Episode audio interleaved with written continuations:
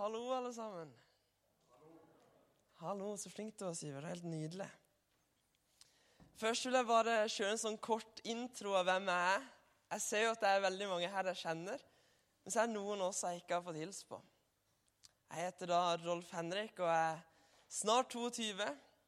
Og jeg er så velsigna og så heldig at jeg får lov til å jobbe i denne menigheten.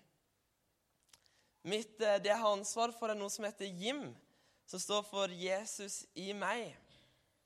Og det er fordi konfirmantene liksom, året etterpå, der de vil ha litt mer undervisning, og vi sammen ser på det hva vil det si å være en disippel, og vi knytter nærmere bånd, og vi går etter det sammen, så er rett og slett det drømmejobben. Jeg må bare si det.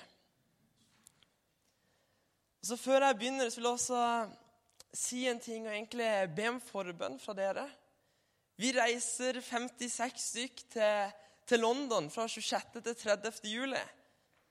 Der flesteparten er tiendeklassinger, og det kommer til å bli helt vilt. Jeg gleder meg som bare det. Jeg har vært der de siste to årene, og det har vært eh, helt fantastisk. Det hadde vært veldig fint om eh, dere hadde lyst til å være med oss i bønn. Be om at ungdommene må oppleve nye ting med oss, som at vi lederne at vi skal være styrka, at Gud skal være med oss. Det er vår store bønn. Yes. Det jeg skal snakke om i dag, det, det syns jeg kan være litt utfordrende. Fordi det rokker litt ved meg. Vi er jo alle enige at det å være i komfortsona, det er det mest behagelige. Man kjenner liksom at 'jeg har det godt her'. Der jeg står i dag, der er det komfortabelt. Der er det godt. Så jeg tror at noe av det vi skal se på i dag, er litt utfordrende. Men det er også motiverende og inspirerende. Og det er veldig viktig å huske. Jeg tror at Gud kommer til å gjøre store ting. Og hvis du ikke kommer med forventninger i dag, så skal jeg gi deg det. For jeg tror at Gud har lyst til å røre ved vårt hjerte. Ett sekund i hans nærhet kan forandre alt. Og det tror jeg det er viktig at vi husker på av og til. Og så vil jeg spørre deg hva er glede for deg? Hva er lykke for deg? Er det det å endelig få den der Suzuki Grand Vitaraen som du har sikla på i to år nå? Er det det å se Wales nå, som endelig er EM, og se ditt lag vinne? Er det det å endelig klare å blokke en i volleyball? Det har jeg veldig lyst til. Jeg vet ikke hva du definerer som glede. Men det verset jeg skal snakke om i dag, står i Nehemja 8,10, der det står 'Sørg ikke, for gleden i Herren er vår styrke'. Sørg ikke, for gleden i Herren er vår styrke. Jeg har lyst til å ta en bønn. Kjære Jesus, jeg takker deg for at du elsker oss. Jeg takker deg for at du er her. Og far, jeg har bare lyst til å gi deg kontrollen. Kom og gjør det du vil. Hjelp oss til å være villige til å lytte, og også være villige til å gå på det du måtte kalle oss til. Jeg har ikke mye å komme med, Jesus, men du har alt. Så jeg gir deg kontrollen, Herre. Tal gjennom meg, og motiver oss som menighet til å stå sammen og gå etter deg. Vi elsker deg, og vi vil gi deg ære. Takk, Jesus. Amen. Nå er jeg litt i tvil om det er to eller tre år siden, men hvis ikke det er helt feil, så er det tre år siden så tok jeg noe man kaller for en DTS. En disippeltreningsskole som er via Ungdom i oppdrag. Og Når man hører om folk som har tatt en DTS, så har de ofte reist til Hawaii, de har reist til Australia. liksom Det var der de tok den. Jeg reiste til Flekkerøya. Men det er veldig fint, det òg. Jeg skal må si det. Så jeg var der i tre måneder. Og så var jeg tre måneder i Kambodsja og Thailand. Så reiste jeg og Marius etterpå en måned til Brasil med ungdomsoppdrag. Men når jeg reiste til Thailand, så hadde jeg ikke anelse hva jeg skulle forvente. Jeg visste ikke åssen de hadde det der. Jeg visste ikke åssen de levde. Jeg visste ikke åssen kulturen var. Vi har liksom lært noen ting om hva man ikke skal gjøre, hva man må passe på for å ikke fornærme folk. Men utenom det så hadde vi ikke lært så mye. Så jeg var veldig spent. Og noen av dere kjenner kanskje til Karen-folket. Det er et folk som er fra Burma, som har blitt tvunget til å måtte flykte ut, og nå bor i liksom gigantiske flyktningleirer i Thailand. Når du er inne der, så, så har du nesten bare lyst til å kaste opp, for det, det er helt grusomt. Det lukter så vondt, og det er ikke mye greit. Og Vi var en gjeng fra Skjærgårdsheimen som reiste. og Vi har tatt liksom en sånn pickup der liksom vi stappa alle bak, for det er helt greit der. Der får du plass til mange i det bagasjeplanet, eller hva man kaller det. Og Så kjørte vi opp og langt, langt inn i skogen. Og Jeg tenkte liksom at dette måtte jo passe perfekt til der, der ingen skulle tro at noen kunne bo. Det programmet som var. Det var liksom perfekt. For det var langt, langt vekke. Jeg ble litt overraska over åssen ting var. Jeg fant fort ut at eh, vi bodde på en sånn bambushytte. Der liksom du så gjennom eh, gulvet. og Det var litt merkelig. Det var ikke det vi var vant til. Toalettet var et eh, hull i bakken, og dopapir visste de ikke hva var. Så da var det frem venstrehånda. Sånn var det bare. Og så Dusjen var en kopp som du tok og så liksom helte over. Og så var det ris tre ganger om dagen. Den der eh, 'takk Gud for ris', den bønnen der ble utfordrende etter hvert. Jeg skal aldri innrømme det. Men så var det et team som var fra dette karenfolket. For de var også i DTS, og det er litt spredd over hele verden. Så vi var team som var karenfolk. Og Jeg kom i noen samtaler med noen av de som eh, har betydd utrolig mye for meg, og som har rocka veldig mye med mitt liv. Og Der var det én, en mann. Han hadde det jeg vil kalle ingenting. Det han hadde i en pose, var en skjorte. Hans bakgrunnshistorie tilso at han skulle ha det forferdelig. Jeg har ikke lyst til å fortelle hva han måtte gått gjennom, men det var mye som ikke var greit. Og Jeg husker vi snakka og snakka sammen, og han bare han rett og slett bare underviste til meg. Selv om han nesten var, han var to år eldre enn meg. Det er nesten den dypeste undervisninga jeg noen gang har fått. For han sa det til meg. Selv om jeg ikke har mye, selv om jeg kanskje ikke har det du vil si av liksom materialistiske ting, og alt dette her, fordi de hadde tilgang på TV lenger nede, så han visste åssen det var å ha materialistiske ting. Han visste åssen det var å reise på tur til Syden, for han hadde sett det på TV. Men han visste at det hadde ikke han. Og Så har han gått gjennom alle disse tingene. Så tenkte jeg, Hvorfor er du så lykkelig? For jeg hadde aldri sett et så lykkelig menneske før. En som var glede, en som var liksom ja, da skal vi jo misjonere. Han bare Yes! Da går vi og forteller om Jesus. Han var så gira. Så sa han det til meg at jeg har Jesus. Og selv om jeg kanskje ikke har alt det andre, selv om jeg har opplevd mye vondt, så har jeg en som aldri svikter meg. En som jeg kjenner virker gjennom meg. Jeg får lov til å ha et forhold med han som har skapt alt, alt det gode. Han får jeg lov til å stå sammen med, og han er på mitt lag. Så kan noen kanskje si at det, det er litt sånn Jeg har hørt noen si at det er kulturen de, at det, selv om de har det litt vondt, de er litt lei seg, så smiler de. Men han her var genuint lykkelig. Det hadde skjedd noe med han. Og så tenkte jeg også, Nå skal jeg spore av i fem sekunder. Men man lurer ofte på hvorfor det skjer så mye i Afrika hvorfor det skjer så mye i Asia. og Dette er bare min tanke. Dette er ikke noe man trenger å låse. Men når jeg var der, så så du en haug av mennesker som ga alt, og som var villige til å gå for alt. Hvis de hadde bare bitte grann, så tok de det, og så ga de, og så var de villige til å gå med alt. Og når jeg er sånn, Hvis jeg er på bussen og jeg føler Gud sier at jeg skal hjelpe den med å bære en pose, så tenker jeg det er kleint, det er kleint, det er kleint, det kan jeg ikke gjøre. Eller man går inn på butikken og liksom vet kanskje Gud kaller meg på noe, så ser man ned i bakken. Liksom den klassikeren. Men de var villige til å gå på det. Og jeg tror at det er en av grunnene til at så mye skjer. Men det han viste meg, det at lykke kanskje ikke er det jeg har trodd. glede er kanskje ikke hva jeg hadde forestilt meg. Så hadde vi noe som man kaller for en burn. Det at du har 24 timer i bønn, så er det på en måte som nattevakt, og du bytter. Så er det kanskje fra to til fire, så er det to timer pause, og så er det fra fire til seks, og så gikk det sånn hele natta.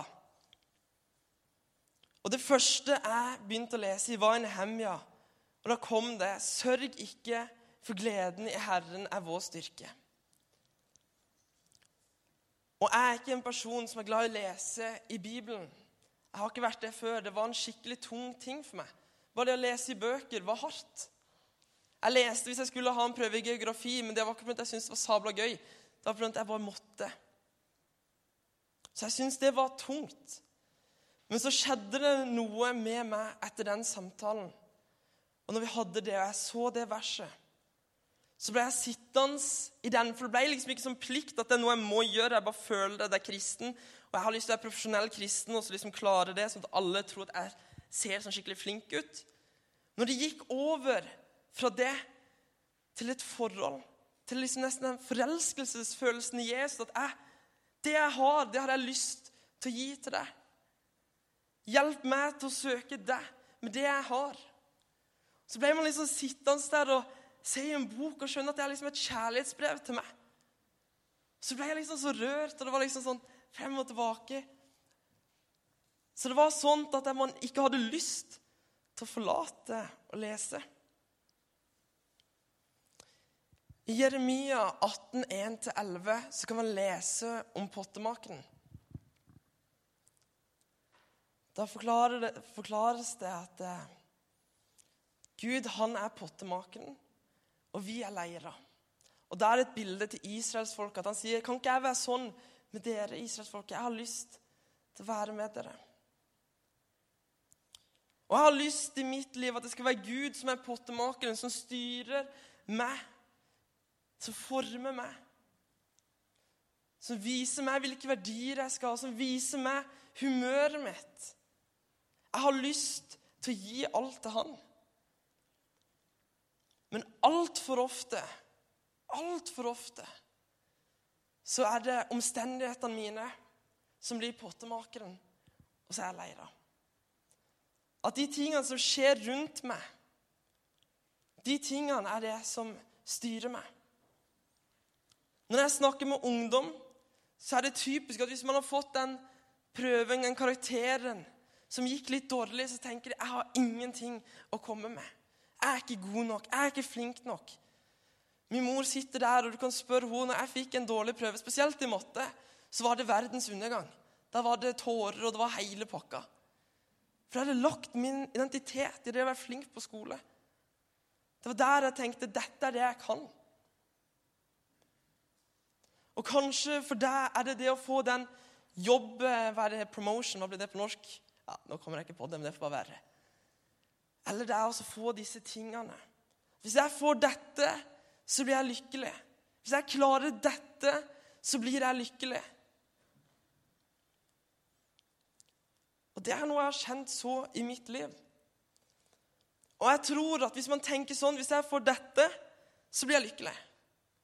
Så er det bare på nytt igjen. Så da må jeg få dette, så blir jeg lykkelig. Så blir man som en sånn der hest som har en gulrot foran. Liksom, man liksom går bortover og kan gå rundt hele jorda, men man er ikke én centimeter nærmere målet sitt. Det er en tankegang som har utfordra meg veldig, veldig mye.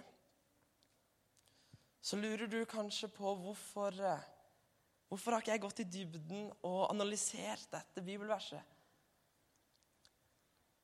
Hvorfor har jeg ikke snakka så mye om det? Men jeg tror i hvert fall hva jeg har kjent på, er det at eh, jeg klarer ikke å bare bestemme meg om at eh, jeg skal gjøre det. OK, Gud, her har du min glede. Jeg setter det til deg. Eller hvis jeg sliter med noe i mitt liv jeg føler meg liksom festa i lenker, så klarer ikke jeg liksom bare Nå skal jeg bare riste meg løs og komme meg fri. Jeg får det ikke til.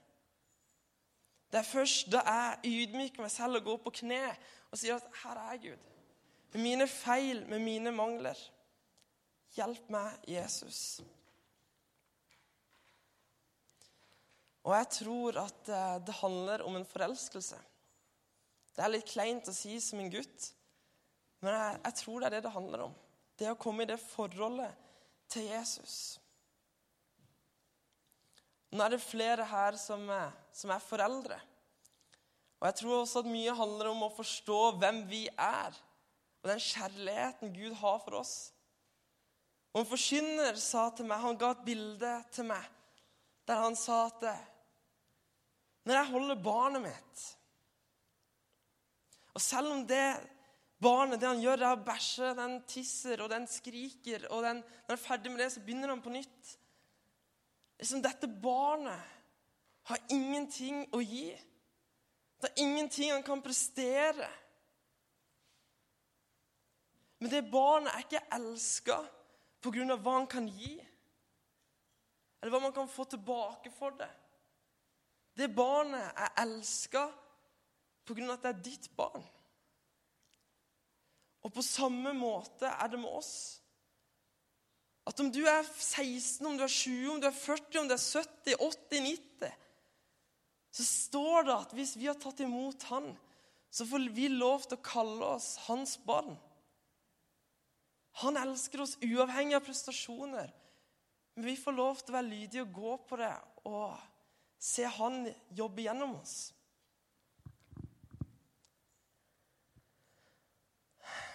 Og så tror jeg at et hindring ofte for oss, det er kjent meg igjen i. Gjennom historien til Moses For andre Mosebok så kjenner man til det at eh, Moses han dreper en mann. Han går på flukten ut av Egypt. Og Der blir han gjeter, og man får vite at Gud taler til han gjennom en brennende busk. De fleste kjenner til denne historien. Og Gud sier til Moses, 'Jeg har hørt klageropene til mitt folk.' 'Og jeg skal sende dem, Moses. Du er den jeg skal sende.' Og så svarer Moses litt sånn som jeg tror jeg ville svart, at ja, men Gud, jeg, ikke send meg. Jeg er ikke flink til noe. Jeg har ikke noe å komme med. Det er det jeg vil ha, Moses. Ja, men hva med de andre? De er så mye flinkere enn meg. Jeg jobber jo sammen med Marius og Mats, og jeg kan ofte tenke sånn at Gud, jeg skjønner at du kan bruke dem. Jeg skjønner at du kan gjøre store ting gjennom dem. Men jeg skjønner ikke hvordan du kan gjøre det gjennom meg. Jeg som snubler nesten hele tida. Jeg som sier at det er det jeg har lyst til å gå for i neste øyeblikk. Så jeg venter den andre veien. Åssen kan du bruke meg, Gud? Og så sier Gud igjen det er der vil ha Moses.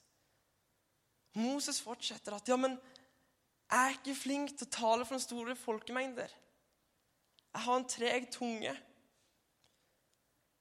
Og de jeg har snakka med som vet litt mer enn meg, på det med hebraisk og litt sånt, så er det noen som tror at eh, Moses han stamma. At han sleit med å stamme. Man kan tolke det bibelverset sånn. Så Moses så sine begrensninger som lå foran han, istedenfor hva Gud kunne gjøre. Og så sier Gud, når han, han svarer Moses, hvem er det som taler gjennom menneskets munn? Hvem er det som åpner blindes øyne? Hvem er det som åpner døves øre? Det er meg, Herren. Og videre så vet vi hva som skjer.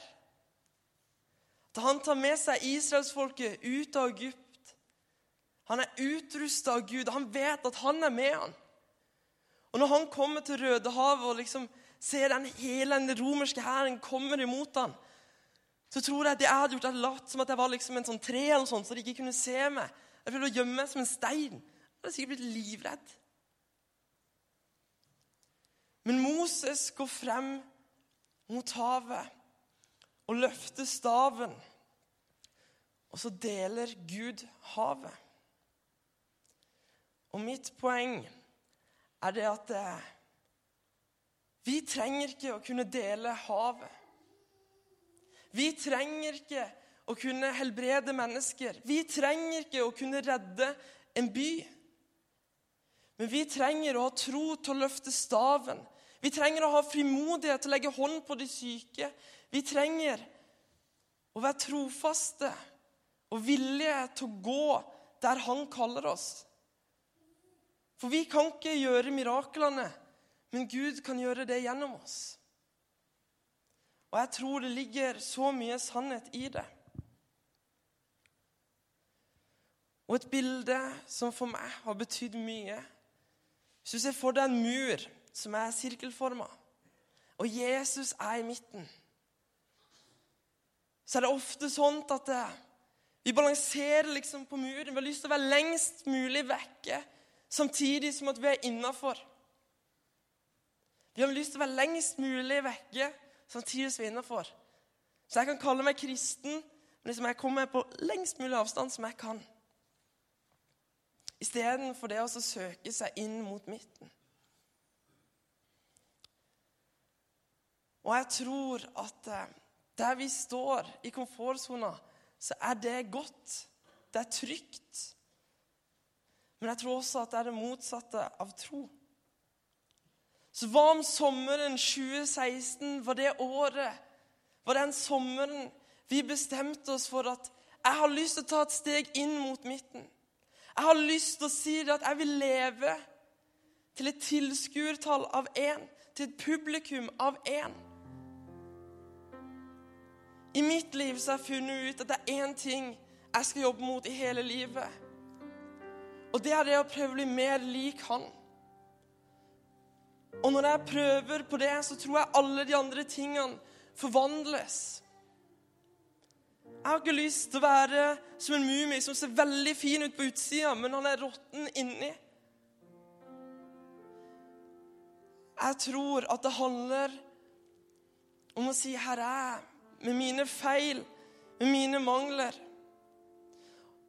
Og Når vi går og bruker tid med Han, da forvandles vi fra innsiden av. Så kan man se at ting skjer.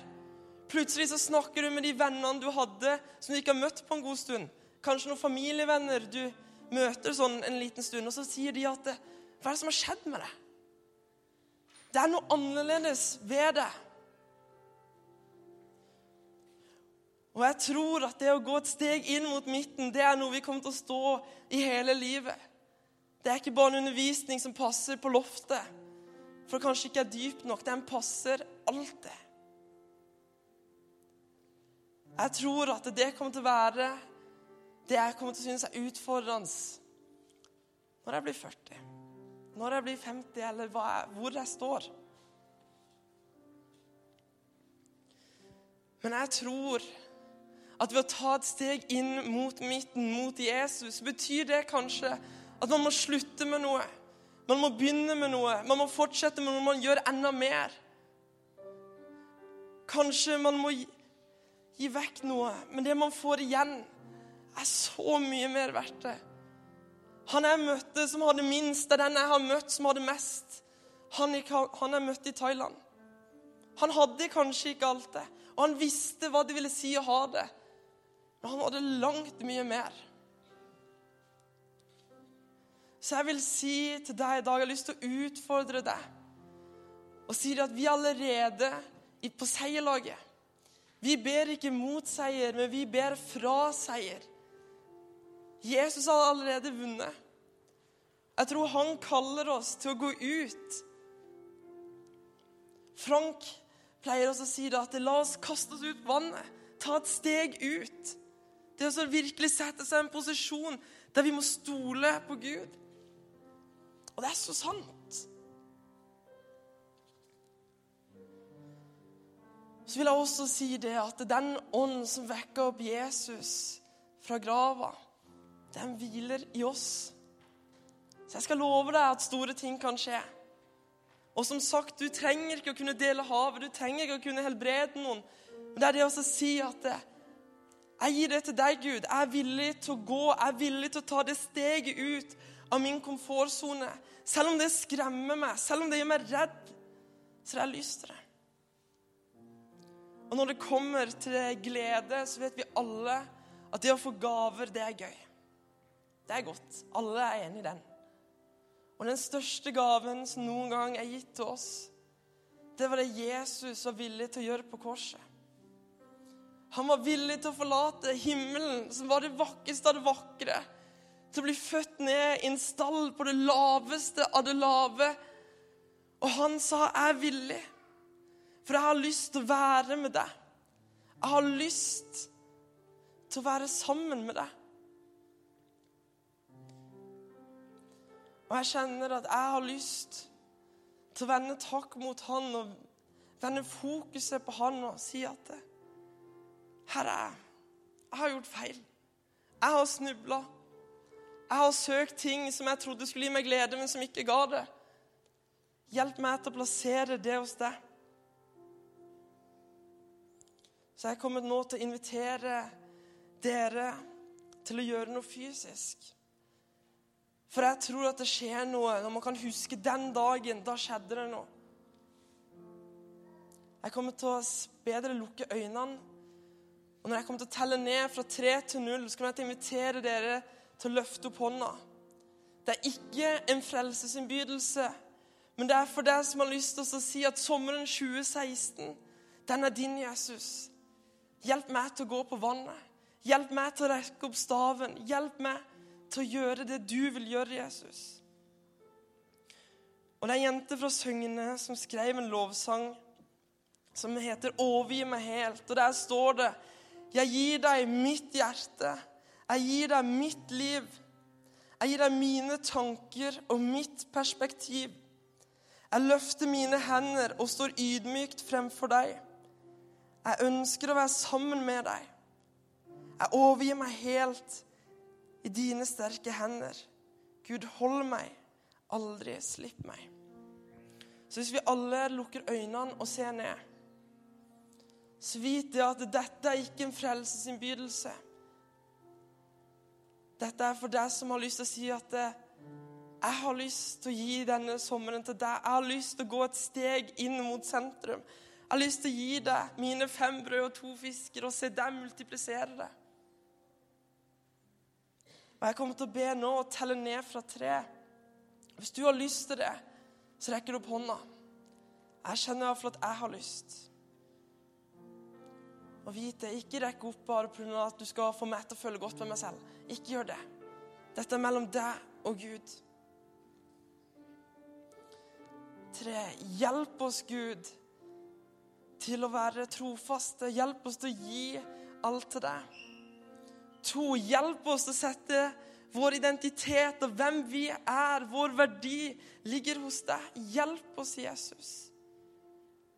En, hjelp oss til å ta imot den kjærligheten du har for oss, den gaven du allerede har lagt frem foran oss. At vi får lov til å gå i ferdig lagte gjerninger. Null. Og du reiser opp hånda hvis du har lyst til det. Og jeg har lyst til å si deg at det er øyeblikk som dette som kan forandre alt. Det å si at det her er Det kan snu alt. Så jeg kan ta ned hånda, så har jeg lyst til å be sammen med dere. Vi er her, Jesus, med våre feil og våre mangler. Og vi takker deg for at du elsker oss så høyt. Og vi kommer aldri til å forstå mengden og dybden og høyden av din kjærlighet. Men vi har lyst til å være barn som går ydmykt frem for deg. For vi trenger det. Vi er avhengig av det. Vi elsker det. Hjelp oss til å tørre å gå ut på vannet. Gi oss frimodighet, Jesus. Takk, Jesus. Amen. Nå er jeg egentlig